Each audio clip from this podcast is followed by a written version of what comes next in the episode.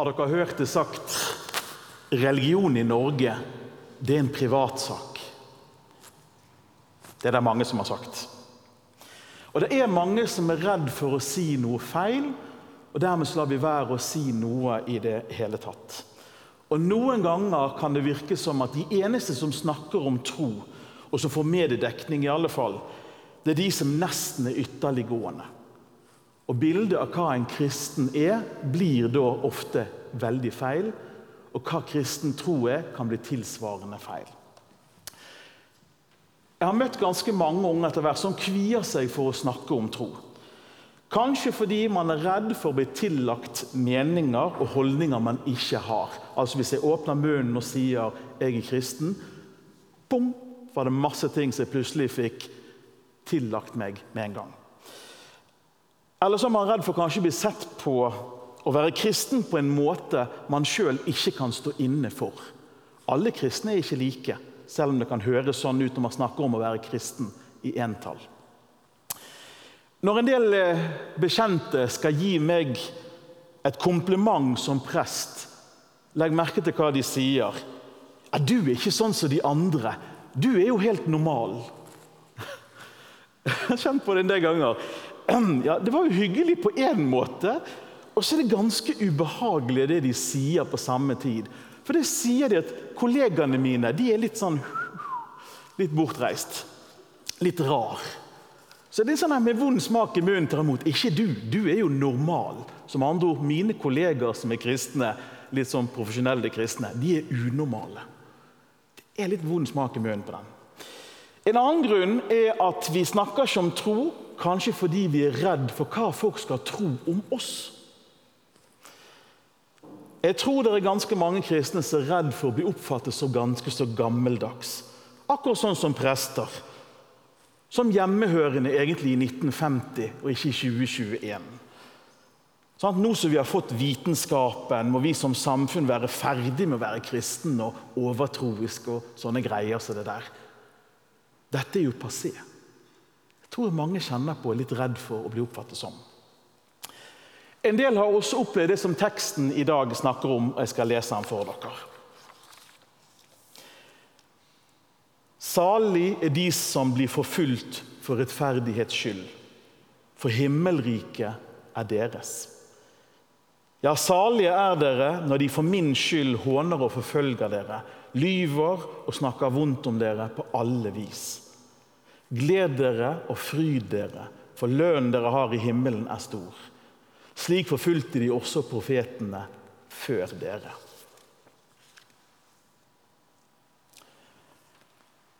Jeg sa innledningsvis vi er nok ikke forfulgt.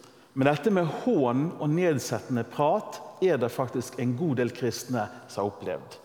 Og en del unge kristne, kanskje spesielt på høyskole og på universitet, har opplevd å bli møtt av andre medstudenter med hån eller nedsettende tale om det å være kristen. Og Da gjør det det vanskelig å si du, jeg er kristen.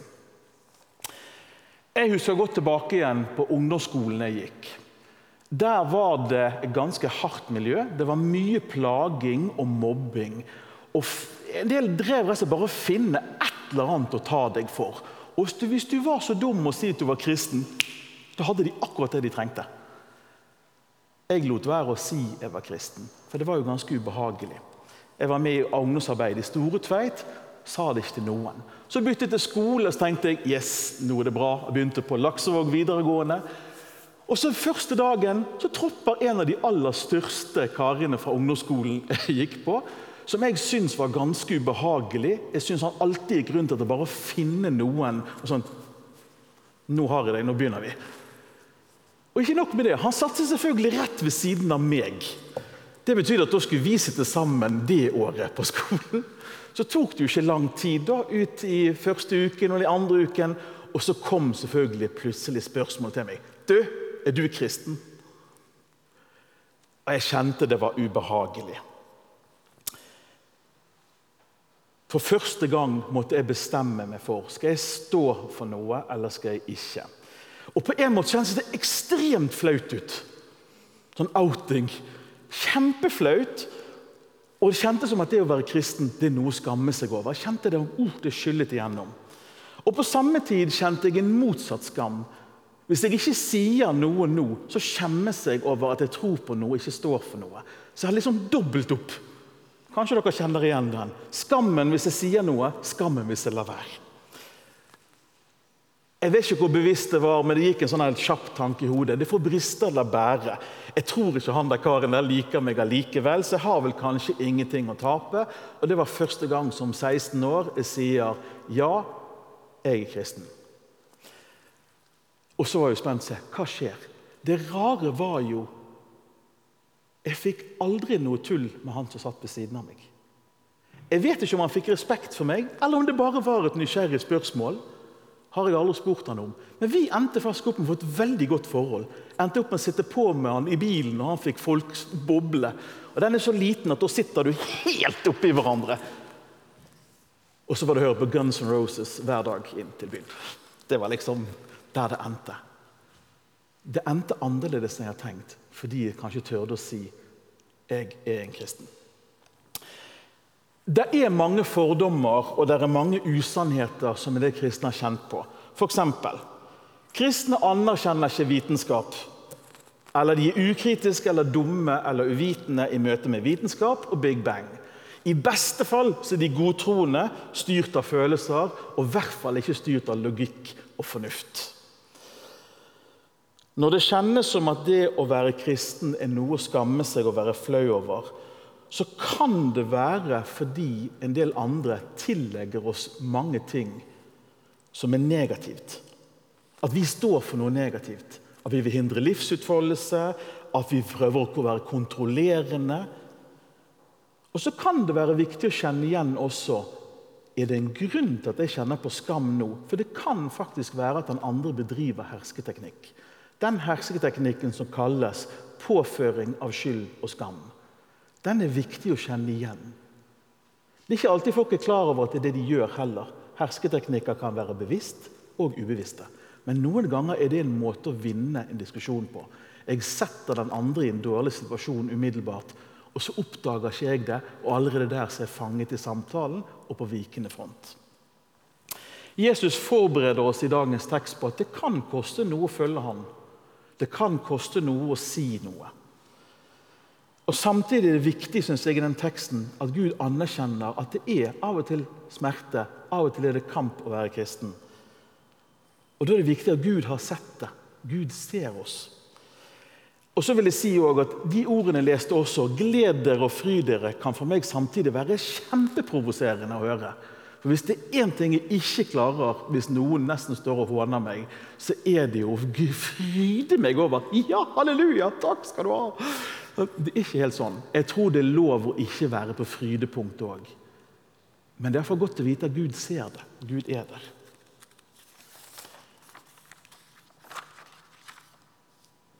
Har dere også lagt merke til hvordan en del samtaler om, det, om, om kristen tro begynner? Se om dere kjenner igjen dette. Det starter jo nesten alltid i det aller mest kontroversielle man kan tenke seg å finne om den kristne tro. Enten så er det snakk om hva tenker du om ekteskap, eller alkohol, eller seksuell orientering eller abort. Og kristne er kjipe som bare vil negative ting og dømme andre. Nå karikerer jeg veldig, sant? men det er jo liksom der det ofte starter. Det er jo ikke så rart at denne samtalen blir litt vanskelig å starte på en god måte.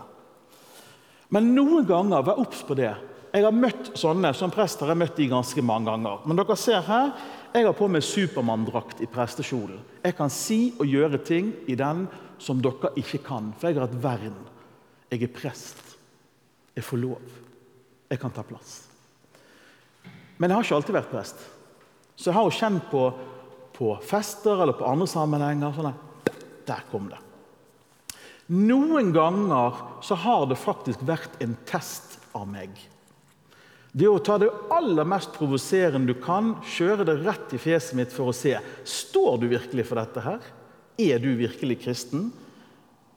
Og Testen handler om hvis jeg består den, så drar de meg til side seinere i løpet av festen for å snakke om det som de virkelig har på hjertet, som er sårbart. Som kan være eksistensielle spørsmål eller veldig private ting. Det er ikke alltid ting er sånn som de ser ut til ved første øyekast. Det er ganske mange usikre mennesker ellers også. Som kanskje bruker en litt dårlig kommunikasjonsform ved å provosere først for å se står du for dette. For meg ble ordene veldig viktige som jeg møtte på ledertrening i Storetveit da jeg var 16 år. Paulus som sier, 'For jeg skammer meg ikke over evangeliet'. Det er en Guds kraft til frelse for hver den som tror. Jøde først, så greker. Sistnevnte skal ikke vi tenke så veldig mye på. Det er Guds kraft til hver den som tror. Hvorfor skal jeg ikke kunne være stolt av troen når jeg tenker at det jeg representerer, det er det gode i verden? Hvorfor skal jeg ikke kunne være stolt av det? Troen bedømmes jo ofte fra de menneskene vi møter som er representanter for denne troen. Det er litt viktig. Og jeg tror vi trenger å høre i samfunnet fra vanlige kristne. Ikke bare for de som er på korstog for et eller annet i en eller annen veldig spesiell retning. Trenger å høre de vanlige røstene. Det i seg sjøl tror jeg faktisk vil motvirke en del fordommer. Det kan være du får litt sånne rare komplimenter som jeg får. Ja, 'Du er ikke sånn som de andre. Du er jo normal.' Ok, men det er iallfall en start. I det minste. Det er behov for din røst. For det er ganske mange unge mennesker i samfunnet som kjenner på et tomrom. Så hvis du tenker at kristen tro er viktig, og at det er en god ting i livet, så har du faktisk noe å gi til å møte tomrommet deres med. En av tre unge tror på at det finnes guddommelig kraft. Det er ikke alltid formulert i en tro. Det kan være religiøsitet, men ikke tro. Men det er en utrolig mulighet. Én av tre så tror jeg litt med dette som alt annet. Mange kristne er redd for hva tror de om meg hvis jeg sier at jeg er kristen. Jeg har tenkt på det, Nå har jeg begynt å bli såpass voksen at det er viktig for meg å huske på følgende. Jeg kan ikke kontrollere hva andre tenker uansett. Kanskje jeg må lære meg rett og slett å bare drite i det. Det høres litt brutalt ut, men jeg tror det er noe viktig der. Hvis jeg skal bruke hele livet på å tenke på hva andre tenker om meg, så er jeg opptatt med det og kun det. Jeg tror livet er ment til noe bedre enn det.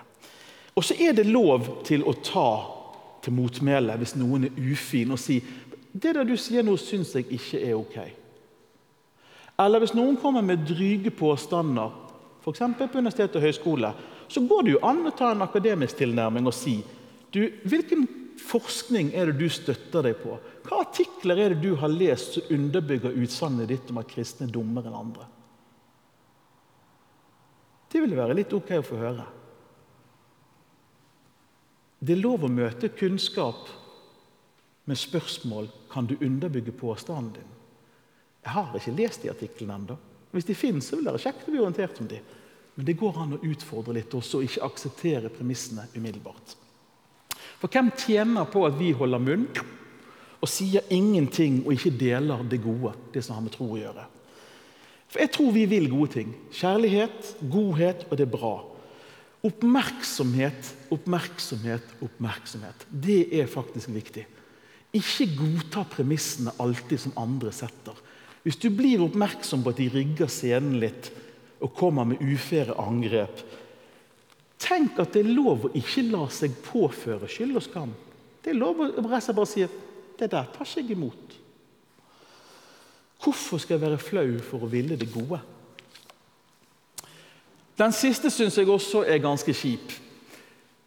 Jeg får av og til inntrykk at jeg skal stå til ansvar for alt det dumme som kristne har sagt og gjort gjennom alle tider, og det Kirken har gjort galt. Jeg lærte noe når jeg jobbet på Norsk Bremuseum. Da kom det turister fra hele verden. Og Det første de kom til Fjærland, det var en bom. Og Det var ikke skilting før de kom til denne bommen. De kunne ikke snu når de var kommet til han, og så måtte de betale i 1994 200 spenn for å komme gjennom. Og De var jo rasende gale og begynte å kjefte på meg umiddelbart. Og jeg, så dum som jeg var, skulle forsvare dette. Helt til jeg skjønte hvorfor skal jeg forsvare det? Så hver gang de kom igjen etterpå, så var det Du, den der bommen. Ja, sant han er dyr, sa jeg. Og så er det forferdelig. Du kan ikke snu før du kommer igjennom. Det er jo helt grusomt. Og så plutselig falt jo hele krangelen fra hverandre. For jeg var jo enig med de i absolutt alt. Det er ingen som har sagt at jeg må forsvare det som har vært dumt i kirken. Hvis jeg faktisk tenker at det har vært overtramp, så kan vi si vi er helt enig i kritikken. Av og til har kristne vært helt dumme. Av og til har Kirken gjort vonde og dumme ting. Og selvfølgelig, vi er folk som alle andre. Vi gjør feil. Vi er menneskelige. Det er jo derfor vi tror vi trenger nåde. Det er ikke sagt jeg trenger å forsvare alt. Det som ikke bør forsvares, skal jeg kanskje ikke forsvare. Kanskje da kan heller komme frem til hva er det jeg syns er bra med Kirken, og kan snakke om det til andre. Det er så mange som er redd for å stå uten svar. For meg som driver en del med samtale, så har jeg vært nødt til å lære meg så mye som jeg kan. Det å møte noen uten å ha svar er helt lov. Det å si det av og til vet du hva, 'Det var et veldig godt spørsmål. Det har jeg ikke svaret på.' Eller 'Det du spør om nå, det krever kunnskap og ansvar som jeg ikke kan ha.' og jeg kan ikke svare på det. Da må du spørre de som har makten til å svare på det. Det er lov å sende spørsmålet vekk av og til òg. Ehm, Øyvind Rudolf har hatt et veldig godt foredrag her inne om vitenskap. Han kan dere snakke litt med hvis dere trenger litt sånn hm, hvordan møter vi disse vitenskapsspørsmålene? Og så har jeg lovet å si ett navn. George Lemaitre. Hvis du er her, Øyvind, så hører du det. Jeg kan ikke se det nå. George Lemaitre og Big Bang-teorien. Les litt om det, så har du plutselig noe å snakke med de andre om. Det er et veldig sterkt behov i oss når noen konfronterer oss, og det er behovet for å forsvare og å forklare. Og med en gang jeg går i det sporet der, så er jeg på vikende front. Behovet for å forsvare og forklare. Det enkleste er jo da selvfølgelig å være å si man er kristen. Men med en gang jeg går inn i den andre, jeg skal forsvare og forklare alt, så blir det en forklaring til forkludring. Det blir ikke en forklaring til oppklaring. Kanskje skal jeg prøve å la være å forklare og forsvare alt. Jeg er bare en vanlig kristen.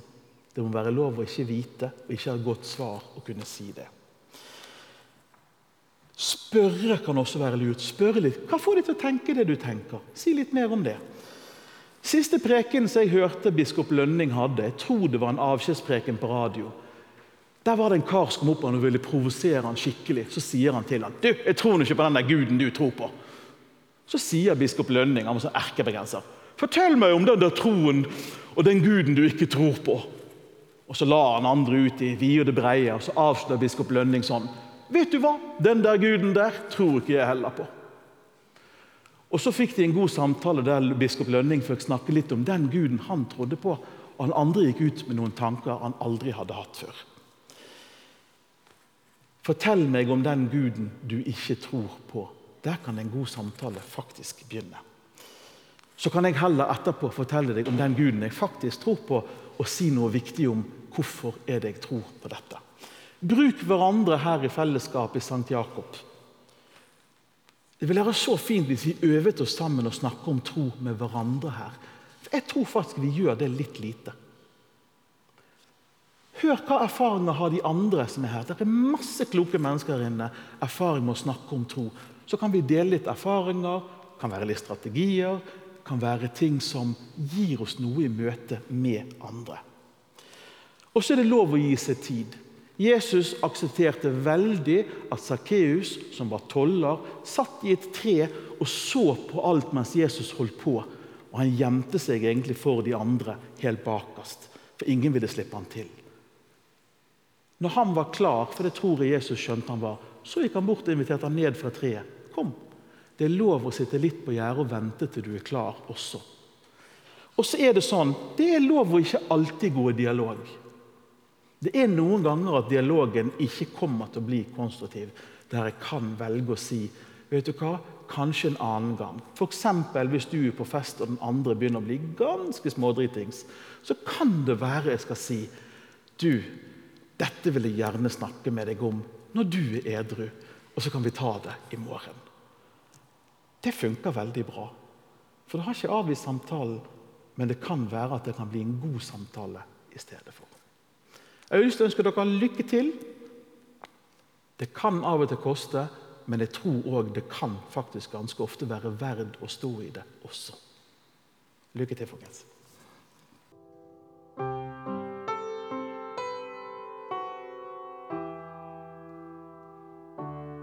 Mine tanker, mitt stive smil. To trette hender og hjertetvil. Du kommer mot meg med åpen favn. Vet hvem jeg er, sier min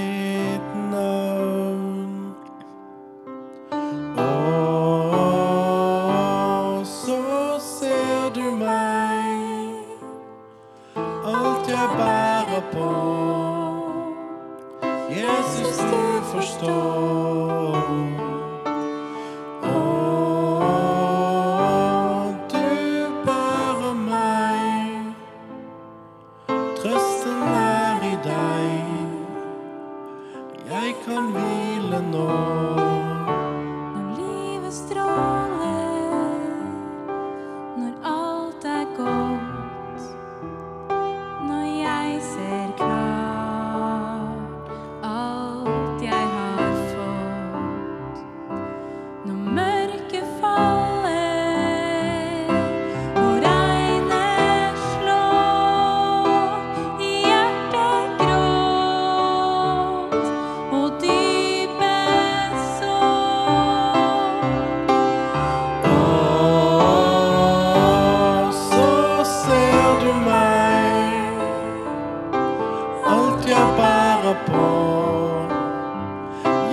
se afastou.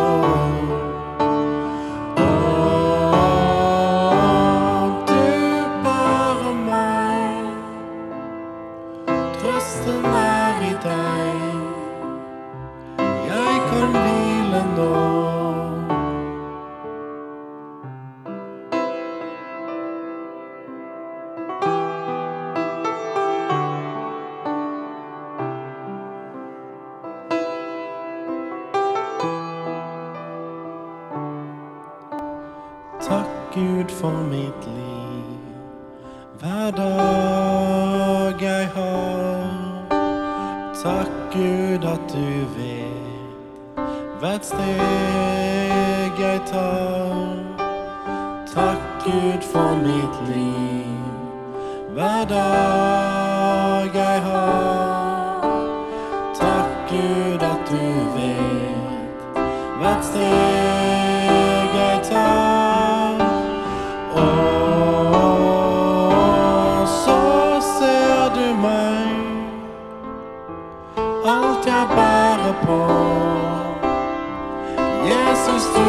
Stone.